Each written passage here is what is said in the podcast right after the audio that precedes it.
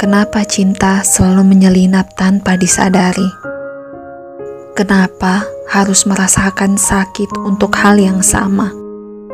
Kenapa selalu merasakan cinta yang tak terbalas?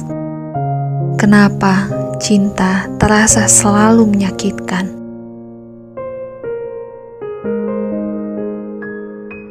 Andaikan terbalaskan, andaikan bisa bersama Andaikan tak tersakiti, andaikan tak merasakan.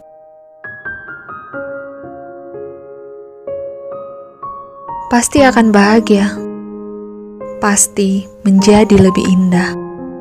Tak ada yang terluka, tak ada yang tersakiti.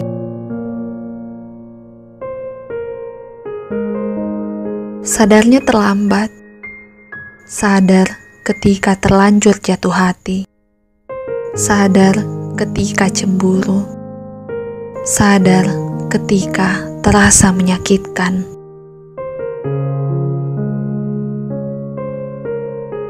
Tak tahu harus berbuat apa, hanya pasrah dengan perasaan yang selalu tersakiti, perasaan yang selalu merasakan sendiri.